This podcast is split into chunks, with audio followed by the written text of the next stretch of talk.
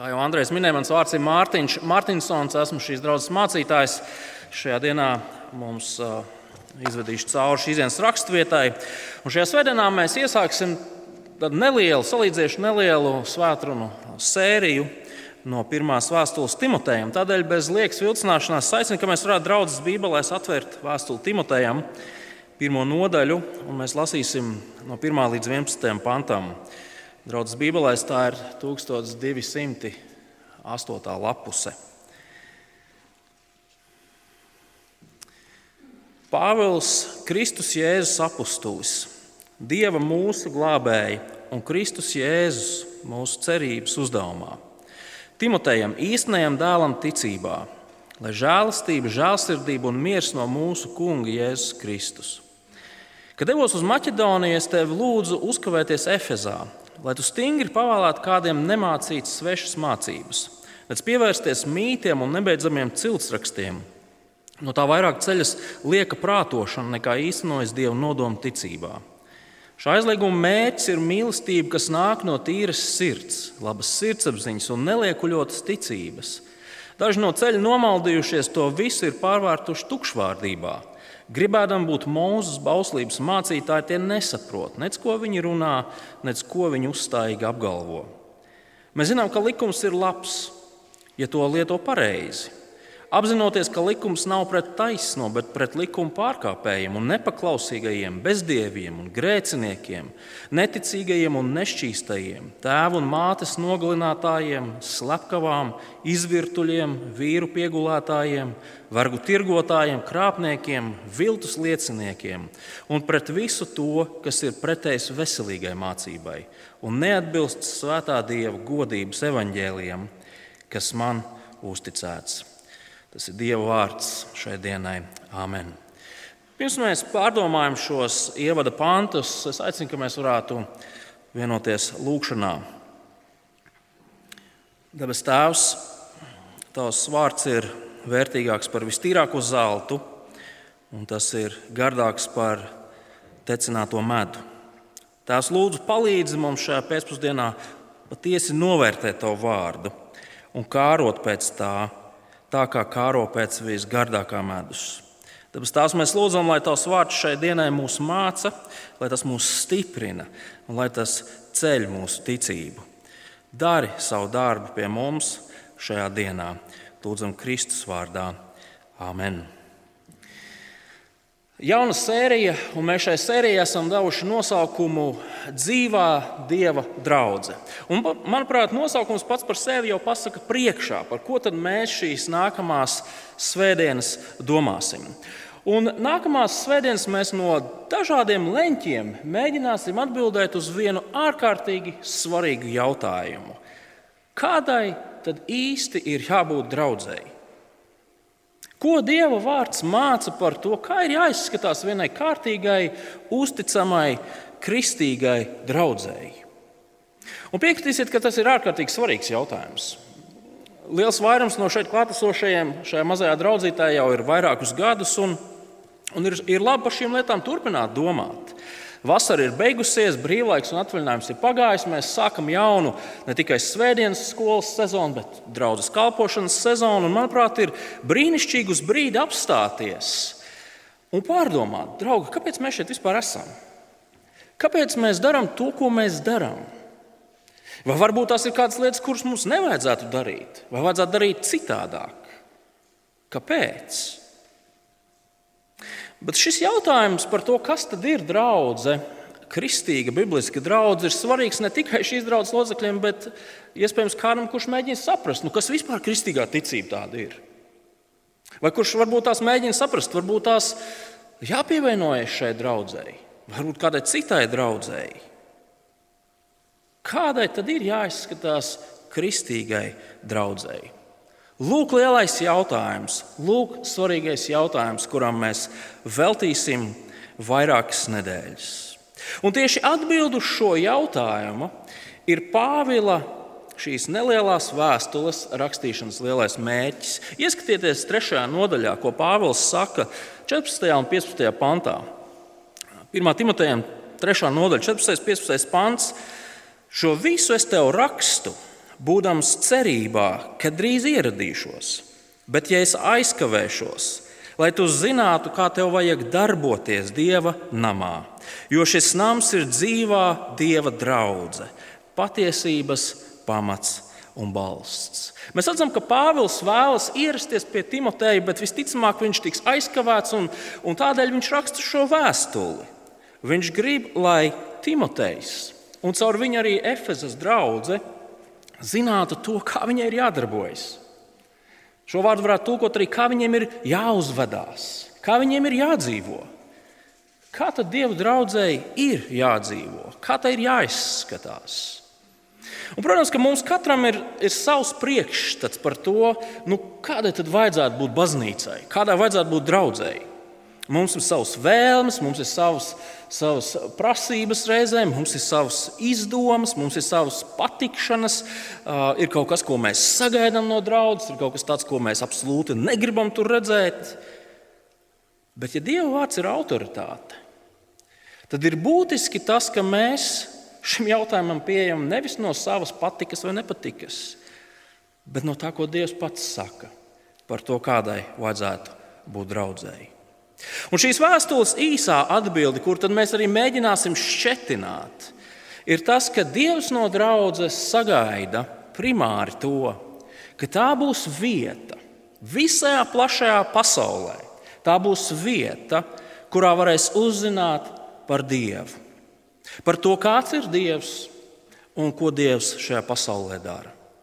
Pāvils saka, 15. pantā, 3. nodaļā, ka draudzene ir patiesības pamats un balsts. Tas nenozīmē to, ka draudzene kaut kad 4. gadsimtā sanāca kopā baznīcas koncilā un, un tad pateica, mēs ticēsim šim un nekam citam. Ne, tas to nenozīmē. Pāvila vārds nozīmē to, ka draudzene ir tā vieta, kas tur patiesību un dod viņu tālāk. Draudzene ir patiesības pamats un balsts. Draudz ir tā vieta, kur patiesību var uzzināt. Un līdz ar to, draugi, draudzene ir unikāla vieta. Neviena cita sabiedrība, neviens cilvēku veidots institūts, firma, klubs, iestāde, organizācija nelīdzinās draudzēji. Tādēļ, ka tikai un vienīgi kristīga draudzene ir vieta, kas atspoguļo māca un reprezentē Dievu šajā pasaulē.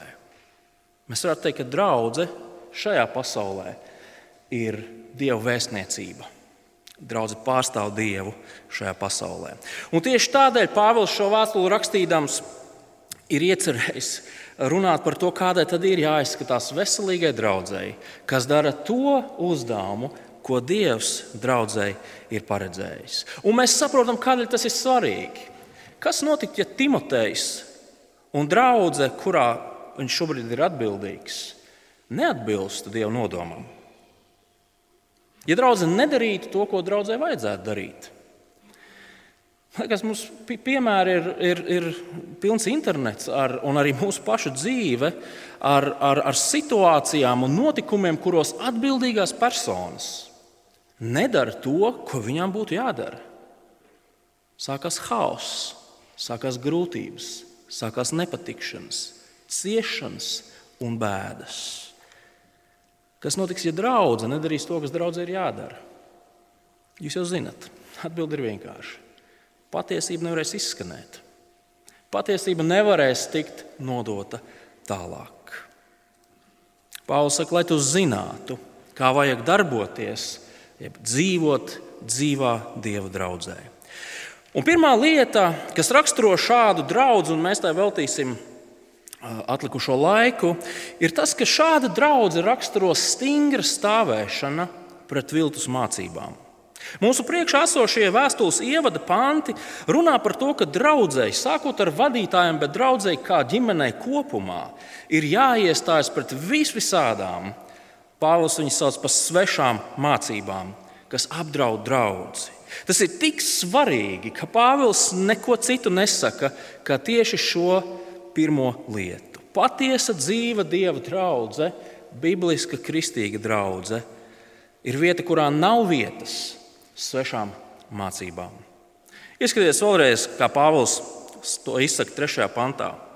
Kad es devos uz Maķedoniju, es tevi lūdzu uzkavēties Efezā, lai tu stingri pavēlētu kādiem nemācīt svešas mācības. Mēs redzam, ka Pāvils Timotejam uztic ārkārtīgi svarīgu uzdevumu. Un īstenībā, ja mēs par to padomājam, ārkārtīgi grūtu uzdevumu. Tas nav viegli. Viņam ir jāgādā par to, lai Efezas draudzē neizskanētu lietas, kuras nesaskan ar Dieva vārdu, ar to, ko Dievs ir atklājis. Tas nav nekas vienkāršs. Mēs varētu atrast simts un vienu iemeslu, kāpēc to nedarīt pareizi. Nu, kurš no jums, es nezinu, varbūt šeit ir kāds izņēmums, kurš no jums ar prieku un tā raujās pilnīgi risināt konflikta situācijas? Kuram no jums patīk tās nepatīkamās sarunas, kur ir jāsarakst, kur ir īstenībā varbūt pat jāizvaino kāda jūtas, ja nepieciešams? Un vispār, kas tas Timotejs tāds ir? Viņš ir gados jauns puisis, un tagad Efezas draudzē, kāpēc mums viņš būtu jāņem vērā? Man patīk tas, kā Pāvils par visu ir padomājis. Tas nav vienīgais iemesls, kāpēc viņš ir apustulis, bet man liekas, ka apustulim tādam ir jābūt. Jūs ievērojat to, kā Pāvils iesāk šo vēstuli, ko viņš raksta Timotejam. Ieskatieties pirmajos divos pantos. Pāvils, Kristus Jēzus apustulis, Dieva mūsu glābēja un Kristus Jēzus mūsu cerības uzdevumā, Timotejam, īstenajam dēlam ticībā, lai žēlstība, žēlsirdība un miers no mūsu Kunga Jēzus Kristus. Ja jūs rakstītu kādam savam tuvam draugam, varbūt tās mīļam bērnam, vēstuli, vai jūs viņu iesākt šādi? Dēls, Te tev raksta Pāvils, Kristus Jēzus apustulis, mūsu glābēja un Kristus Jēzus mūsu cerības uzdevumā. Piekritīsiet, ka tas izklausās diezgan formāli mīļotajam dēlam. Formāli, oficiāli, stīvi, varbūt pat dramatiski. Kāpēc Pāvils iesāk šo vēstuli, kuru viņš raksta Timotejam, savam mīļotajam dēlam, ticībā? Un atbilde ir vienkārša. Tāpēc ar šīs vēstules palīdzību Pāvils piešķir Timotejam autoritāti. Draudze dzirdot šo vēstuli, jau no paša sākuma uzzinās to, ka Timotejs ir apstuļa pilnvarots. Un būt apstuļa pilnvarotam nozīmē būt paša dieva pilnvarotam.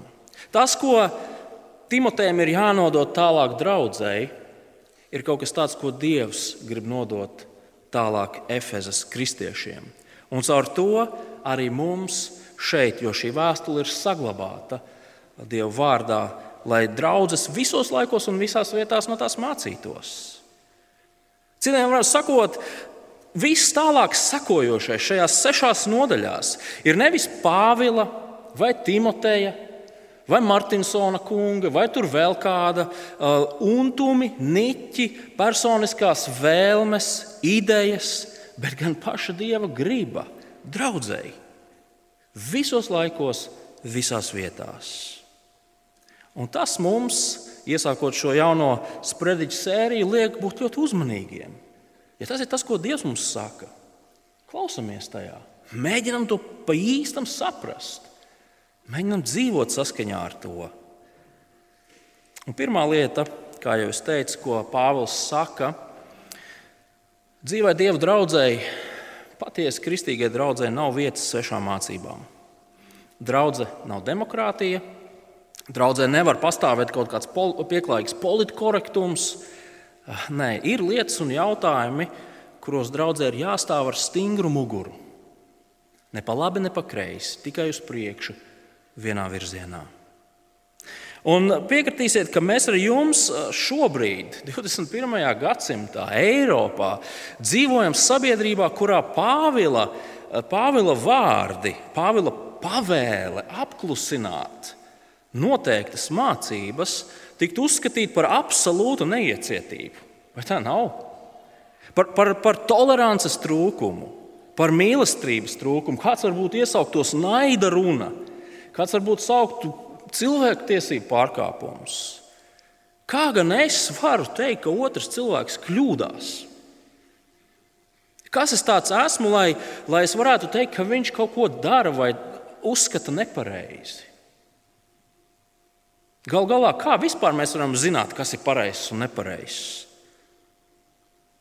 Un taisnība, ka reizēm pār, pārlieku liela pārliecinātība par kādām lietām var liecināt par lepnumu. Taču, draugi, uzskats, ka mēs neko līdz galam nevaram zināt, nav pazemība.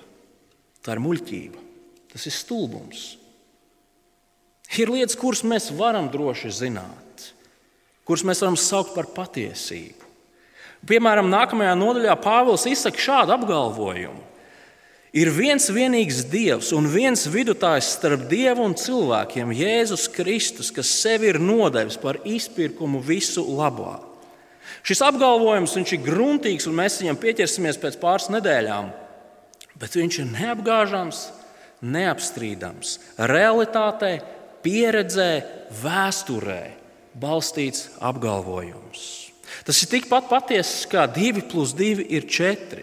Tas ir tikpat patiess, ka jūsu priekšā stāv 41 gadu vecs baltādains vīrietis ar bārdu. Tas ir tikpat patiess, kā teikt, ka Latvijas neatkarība tika proklamēta 1918. gada 18. novembrī.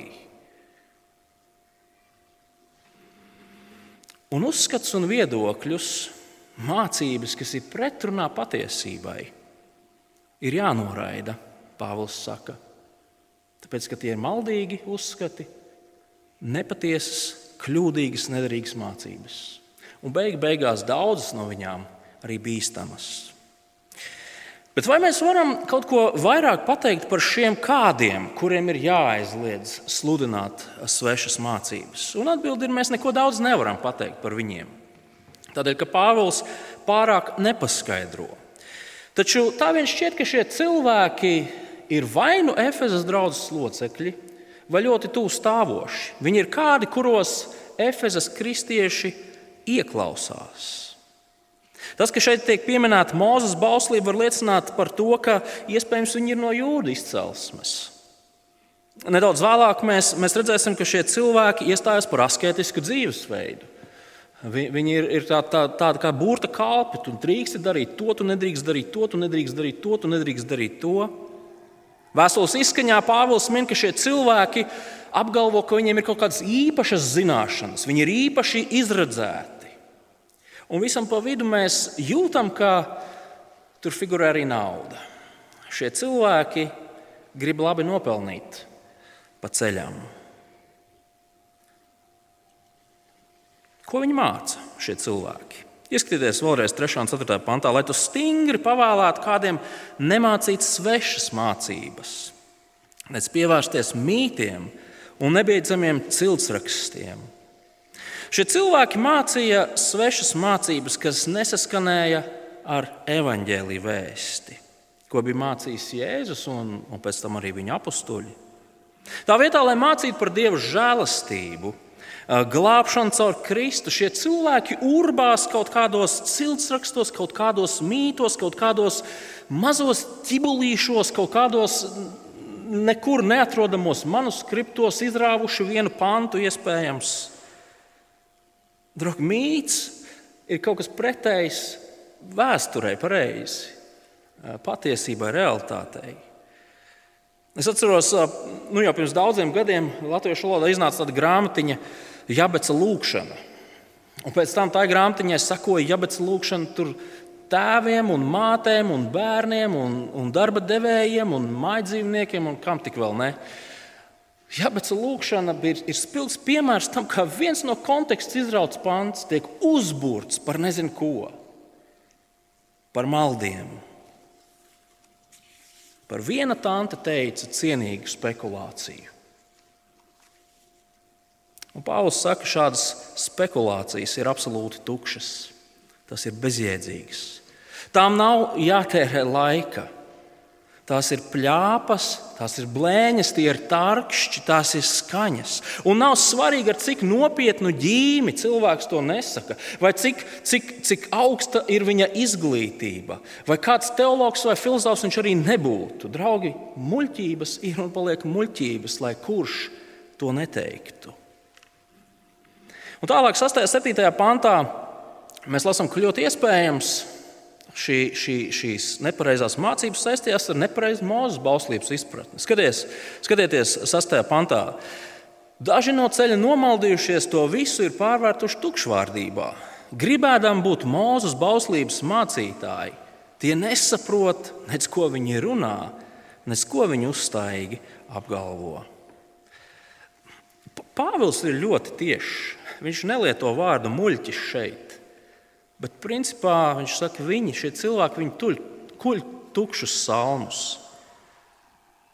Kas notiek, kad mašīna brauc cauri auzu laukam un nobrauc no ceļa? Mašīna iebrauc auzās. Un tieši tas ir tas, ko Pāvils saka par šiem cilvēkiem. Viņiem likās, ka ir mūzes bauslības, likuma, vecās derības lietpratēji, bet patiesībā viņiem ir nosacīta sajēga par vispār kaut ko šajā jautājumā. Vienkārši piemērs, draugi, ja es pēc dievkalpojuma jums sāktu runāt par modernām tehnoloģijām, organisko ķīmiju, astrofiziku un līdzīgiem jautājumiem, Un ļoti dedzīgi par to runātu, un kaislīgi par to runātu, un rokas žestikulēdams par to runātu. Jūs ļoti ātri vien saprastu, ka es no tām lietām neko nesaprotu. Es izliekos, varbūt veiksmīgi, bet visas manas zināšanas ir absolūti tūs nulēji. Gribēdām būt Mozus bauslības mācītāji, tie nesaprot, nec ko viņi runā nec ko viņi uzstājīgi apgalvo. Un raksturvietas otrā pusē, no 8. līdz 11. pantam, Pāvils pavisam īsi, kodolīgi paskaidro, nu kad tad ir tā likuma nozīme, ko šie skolotāji nesaprot. Izlasīsim šos pāns no 8. līdz 11. Mēs zinām, ka likums ir labs, ja to lieto pareizi. Apzinoties, ka likums nav pret taisnību bet pret likuma pārkāpējiem, nepaklausīgajiem, bezdieviem un grēciniekiem, neticīgajiem un nešķīstajiem, tēvu un mātes nogalinātājiem, slepkavām, izvirtuļiem, vīru piegulētājiem, vergu tirgotājiem, krāpniekiem, viltus lieciniekiem un pret visu to, kas ir pretējs veselīgai mācībai un neatbilst svētā dieva godības evaņģēliem, kas man uzticēts. Par, par, par, par vecās derības bauslīm mēs varētu daudz ko runāt, bet Pāvils šajā brīdī grib pateikt tikai divas svarīgas lietas. Pirmkārt, mēs redzam, ka Pāvils saka, ka vecās derības likums ir noderīgs. Tas pats par sevi ir labs, vērtīgs, tas nav atmetams, par to nav runa. Bet otrkārt, un šis ir vissvarīgākais, Pāvils pasaka, ka likuma mērķis Vecās derības mūzes bauslības mērķis ir uzrādīt vainu. Izskatieties vēlreiz 9. pantā. Likums nav pret taisno, bet pret likuma pārkāpēju. Un tālāk mēs redzam šo melno sarakstu, kas tad ir likuma pārkāpējs. Likums ir tā mēraukla, kas nosaka, vai tu esi rīkojies saskaņā vai pret dieva gribu. Likuma mērķis ir bezdievīgam, grēcīgam cilvēkam parādīt, ka viņš ir vainīgs, ka viņam ir nopietna problēma. Un ka šai problēmai būs vēl nopietnākas sekas. Lūk, likuma mērķis. Likums nav paredzēts, lai šaustītu, žēlastībā izglābtu cilvēku, kurš jā, joprojām grēko. Likums nav pret dieva attaisnoto cilvēku. Likums nav kristiešu biedēšanai un baidīšanai. Un šie skolotāji to nebija sapratuši.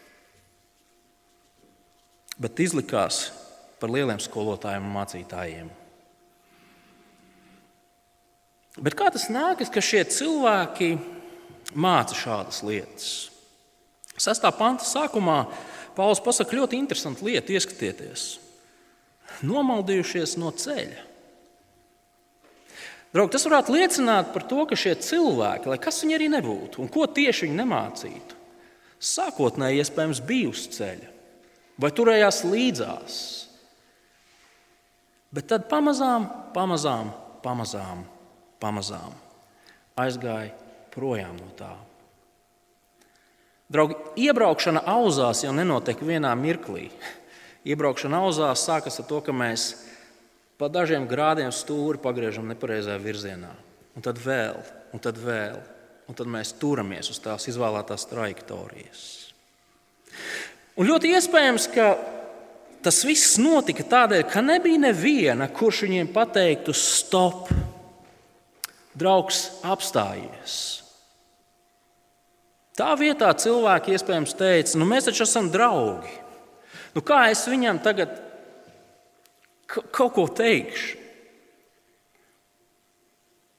Tas taču sabojās attiecības. Vai, vai kas es tāds vispār esmu? Man, taču, man pašam nav izpratne par šiem jautājumiem. Nu, kā tad es varēšu ar viņu runāt par to?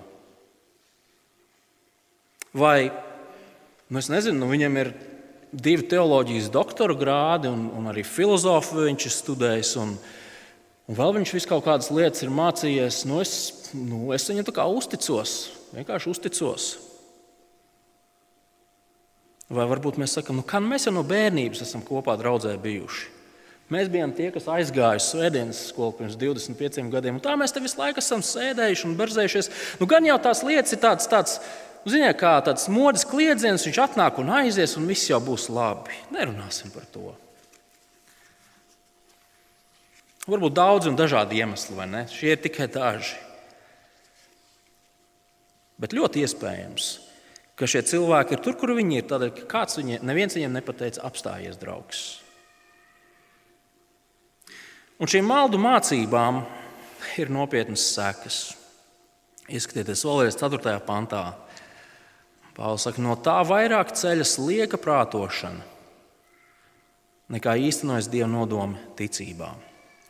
Frāze dieva nodomi ir tāds, tāda interesanta frāze. Grieķu valodā šis, šis vārds bur, burtiski tulkojot no grieķu valodas, sanāk dieva ekonomika, oikonomos. Un, un tas vārds saistās ar, ar kārtību, kurai ir jāpastāv mājās vai, vai plānu, kurš ir jāīsteno kaut kādā mājā, vai namā, vai saimniecībā. Nu, piemēram, mūsu, mūsu namā, Kalnciem ielā, mums ir sava kārtība. Mums ir noteikti noteikumi, kurus mēs cenšamies ievērot. Mums ir noteikta lietu kārtība, mums ir noteikts mērķis, ko mēs gribam īstenot kā ģimene. Nu, mūsu ģimenei ir noteikts budžets, kur ietvaros mēs darbojamies. Jūs varat teikt, ka Martinsonam ir sava ekonomika, viņiem ir sava lietu kārtība, kas saskana ar to mērķi, ko viņi ir nosprauduši. Un Pāvils saka, lieka prātošana, spekulācijas, mīti, tukšvārdība, spriedelēšana, bezjēdzīga filozofēšana, gudru vārdu malšana, ciltskoku izpēte. Tas viss varbūt arī izklausās interesanti. Tas viss varbūt izklausās tā inteliģenti. Bet tas nekādā veidā nepalīdz īstenoties Dieva nodomiem. Tam, ko Dievs ir paredzējis īstenot šajā pasaulē caur savu draugu. Un Dievs ir paredzējis un ieplānojis, ka draudzene būs tā vieta, kur izskanēs patiesība. Glābšanas vēsts par to, kā viens grēcīgs cilvēks var iegūt attaisnošanu Dieva priekšā, mūžīgu dzīvību un mieru. Dzīvā Dieva draudzene Tādēļ raksturo neatlaidīga un stingra stāvēšana pret svešām mācībām. Pret visu to, kas nav saistīts ar Dieva nodomu īstenošanos, kas nav saistīts ar Kristus evaņģēliju. Tas ir tas, kā Pāvils sāk vēstuli par draugu. Kāda ir jāizskatās draudzēji, kas tai ir jādara, kas tai nav jādara. Cik nopietni mēs uztveram Pāvila pavēli? Un pirmkārt, tas jau ir vadītāja uzdevums, piekritīsiet. Mums kā vadītājiem ir jāvelta laiks, lai mēs saprastu Dieva vārdu. Lai mēs patiešām ar tīru sirdsapziņu varētu teikt, es saprotu, ko Dievs saka šeit. Un mūsu nākamais uzdevums ir ne tikai pašiem saprast, bet mācīt tālāk citiem cilvēkiem. Lai arī viņi saprot to, ko Dievs ir teicis. Un tieši tādēļ mūsu draudzē mēs cenšamies secīgi iet cauri dažādām Bībeles grāmatām, no sākuma līdz beigām, vieglākām raksturvietām, grūtākām raksturvietām. Tāpēc, ka mēs jūtam atbildību, ka mums ir jāmācās tas, ko Dievs māca. Es neesmu šeit, lai stāstītu par to, kā man gāja pagājušajā nedēļā, vai cik smaga bija mana bērnība padomju laikos. Tas nevienu neinteresē. Arī es to visu gribu aizmirst. Es esmu šeit, tāpat kā Andrejs un citi vadītāji šajā draudzē, vai tie būtu svētdienas skolotāji vai bībeles studiju vadītāji, lai ar Dieva palīdzību, Dieva žēlstību censtos mācīt to, kas atbilst Dieva vārdu patiesībai. Un mūsu uzdevums ir pieskatīt to, kāda vēja pūš cauri šīm foršajām telpām. Un reizēm mums ir kāds jāizsauc uz pārunām par tām lietām, ko viens vai otrs brālis vai māsa māca. Un reizēm tas nozīmē būt gataviem uz to, ka cilvēkiem mēs vairs nepatiksim. Vadītāja uzdevums Bet tas ir visas draudzes uzdevums. Katra kristieša uzdevums ir būt modram. Modriem pret to, ko saka mācītājs. Es runāju pusstundu, un jūsu uzdevums ir klausīties tajā, ko es saku, un filtrēt to, ko es saku. Un ja jums ir mazākās aizdomas par to, ka mācītājs šodien kaut kā neskaidri runā vai varbūt nepareizi runā, es labāk pieiešu pie viņa un parunāšos. Brāļi un māsas, jums ir pienākums, mums ir pienākums citam pret citu. Ja brālis vai māsa sāk klausīties vai runāt jocīgas lietas, mēs to neignorējam. Mēs ejam un jautājam.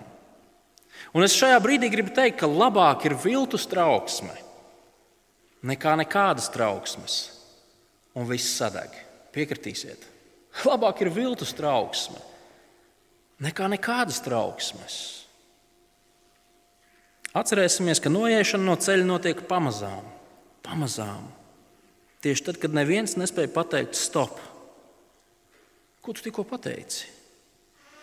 Kas bija tas, ko tu nošēroji un kāpēc tu nošēroji to Facebook? Kas ir tā lekcija, ko tu apmeklēsi? Kas ir tā organizācija, ar kuru tu gribi sevi saistīt? Un noiešana no ceļa novada pie traģēdijas. Un nobeigumā pāris minūtes mums vajadzētu pievērst uzmanību vēl vienai lietai, kur ir šīs raksturvietas centrā, kurai mēs neesam vēl pieskārušies. Un tā ir Pāvila motivācija. Pāvils izsaka šo ārkārtīgi tiešo, bez jebkāda politkorektuma pavēli. Bet mēs redzam, kāpēc Pāvils to izdara. Un Pāvila motivācija, jeb iemesls, kāpēc viņš to dara, ir mīlestība. Viņš vēlas, lai draudzē mīlestība vairotos. Skatieties, 5. pantā. Šī aizlieguma mērķis ir mīlestība, kas nāk no tīras sirds, labas sirdsapziņas un neliekuļotas ticības. Pāvils vēlas, lai draudzē vairotos mīlestība. Mīlestība uz Dievu, mīlestība citam uz citu, Vēlāk vēstulē mēs redzēsim, kā šī mīlestība izskatās praksē. Bet mēs redzam jau tagad, ka šī mīlestība nav saraujama, viņa nav nošķirama no patiesības. Pāvils saka, šī mīlestība, no kurienes viņa nāk, vai jūs pamanījāt, viņa nāk no tīras sirds, viņa nāk no, no labas sirdsapziņas, viņa nāk no neliekuļotas ticības. Tīra sirds ir Dieva žēlstības mainīta sirds.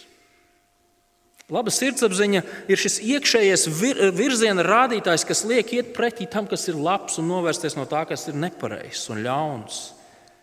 Neliekuļot ticība ir šī, nu, mēs varētu teikt, bērnam līdzīgā paļāvība uz to, ka Kristus patiešām ir tas, kas viņš ir, un viņš ir izdarījis to, ko viņš teica, ka viņš izdarīs. Un visas šīs lietas, sirds, sirdsapziņa, ticība, tas ir saistīts ar patiesību ar patiesības veikto darbu cilvēkā. Šī patiesība rada mīlestību.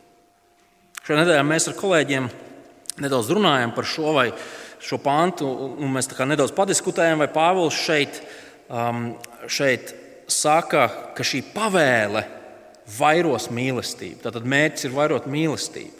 Vai arī šī pavēle tiek izteikta tādēļ, ka Pāvils mīl tos cilvēkus.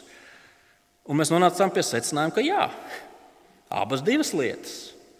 Viena neizslēdz otru. Timoteja uzdevums šajā, šajā draudzē nav apklusināt šos mācītājus, lai ieceltu sevi par gudrinieku, lai ieceltu sevi par skolotāju, par galveno, kurā visi tagad klausīsies. Timoteja uzdevums nav uzvarēt kaut kādā cīņā par varu. Nē, Timotejam ir jārūpējas par to, lai draudzē tiktu mācīta patiesība. Jo tikai patiesība var veicināt mīlestību. Un mīlestība pret Dievu un cilvēkiem liek gādāt par to, lai draudzē izskan patiesība pareizi. Un šī izskanējusī patiesība vairos mīlestību cilvēkos pret Dievu un pret cilvēkiem. Un tādēļ, ka mūsos vairojās mīlestība, mēs gribēsim sludināt patiesību. Jo mēs zinām, ka šī patiesība radīs mīlestību, kas rūpēsies par citiem cilvēkiem. Un mēs sludināsim pat, es atkārtojos, bet tas ir tas, par ko Pāvils šeit runā. Patiesība un mīlestība. Iespējams, šī pavēle, ko Pāvils šajā vēstules ievadā min, var griezties ausīs. Mūsdienu sabiedrībā pavisam noteikti. Mēs dzīvojam laikā, kad saka, ka ceļš uz mīlestību ir, ir beznosacījuma pieņemšana. Mēs radīsim mīlošu kopienu un sabiedrību, ja, ja ik viens būs iecietīgs un pacietīgs pret visiem viedokļiem un pieņems katru viedokli un neteiks neko pretī. Bet tas viss ir mīts. Jo redziet, mīlestības pamatā ir jābūt nevis uh, visi viedokļi vienādi, bet gan patiesībai. Mūsu vienotība ir ir ap to, kas ir labs, kas ir pareizs, kas ir patiess. Nu, piemēram, mēs pavisam viegli varam paciest savus kaimiņus. Es nezinu, kāda ir jūsu kaimiņi. Mums kaimiņi visi ir forši, bet viņi varbūt visi sādi pareizi tie kaimiņi. Bet pa lielam, lai kādi viņi arī nebūtu, viņi mūs netraucē. Mēs ar viņiem nestrīdamies, mēs ar viņiem nekarojam, Mēs viņiem vispār nerunājam. Mēs pret viņiem izturamies ar toleranci. Kāpēc? Tāpēc, ka mēs viņus vispār ignorējam. Mums tas ir viegli, jo mūsu dzīves nepārklājās. Bet vai mēs to saucam par mīlestību? Mēs to nesaucam par mīlestību. Bet Pāvila mērķis ir mīlestība. Kā tā ir iespējama? Tā ir iespējama tad, kad draudzene stingri stāv uz vienota patiesības pamata. Ja mēs mīlam citus cilvēkus, draugi, mēs viņiem neļausim maldīties pa svešām mācībām. Tie, kas no jums ir vecāki, ļoti labi zina, ko es ar to domāju. Un arī visi pārējie, kuriem ir draugi un labas attiecības, zina, ko es ar to domāju. Mēs nevienam bērnam neteiksim, nu, pamēģini iebāzt rozetē pirkstu. Pareizāk sakot, pirkstu nevar iebāzt rozeti pa mazu adatu. Ir lietas, kurās mēs teiksim, stop, ko tu dari. Tas ir muļķīgi. Ja mēs mīlam citus cilvēkus, mēs, mēs necietīsim tukšu salmu kulšanu. Jā, mēs iespējams riskējam ar to, ka mūsu attiecības var nedaudz sabojāties. Taču, ja mēs klusējam, risks uz sliktām lietām ir vēl lielāks. Draugi, pa īstām mīloša rīcība ir nevis klusēt, bet norādīt uz kļūdām, norādīt uz maldiem, norādīt uz nepilnībām, lai tam visam pieliktu punktu. Un tādēļ sekosim Pāvila mudinājumam, demonstrēsim mīlestību, kas vairo patiesību, apklusināsim melus un gādāsim par lietām, kas ceļ cilvēkus. Mēs dzīvojam laikā un sabiedrībā, kad tas ir īpaši vajadzīgs. Tas ir īpaši aktuāli tad nu būsim tāda draudzene, kas veic to, ko Dievs draudzē ir paredzējis. Lūksim Dievu. Labais dabas tēvs, šajā pēcpusdienā mēs gribam īpaši pateikties par tavu žēlastību. Kungs, ja nebūtu tavas žēlastības, tad mēs te neviens nesēdētu. Ja nebūtu tavas žēlastības, mēs par tevi neviens neko nezinātu. Bet tu parādīji žēlastību cilvēcei, sūtījams savu dēlu Jēzu Kristu, kurā mums ir iespējama grēku piedošana, taisnošana, mūžīga dzīvība kopā ar tevi. Un mūsu lūkšana par mūsu draugu šajā laikā ir kungs, ka mēs varētu sakot šai Pāvela pavēlēji, jo spēles ir likts tik daudz. Ir tik daudz lietas, kurām cilvēki var pieslēgties mūsdienām, bet ir tikai viena lieta, kas aizved uz mūžīgo dzīvību un attiecībām ar tevi. Tad nu, lūdzam, kungs, ka mēs būtu gana drosmīgi, gudri, vienlaikus pieklājīgi un mīloši tajā, kā mēs, kā mēs stāvam par šīm lietām. Tās dod, ka mēs varētu būt ļaudis, kuri mīl patiesību un mīl cilvēkus. Un tieši tādēļ mēs esam ļaudis, kuri grib, lai cilvēku dzīvēs ir patiesība, nevis maldi. Dod mums izdošanos šajā cīņā, to lūdzam Jēzus vārdā. Amen.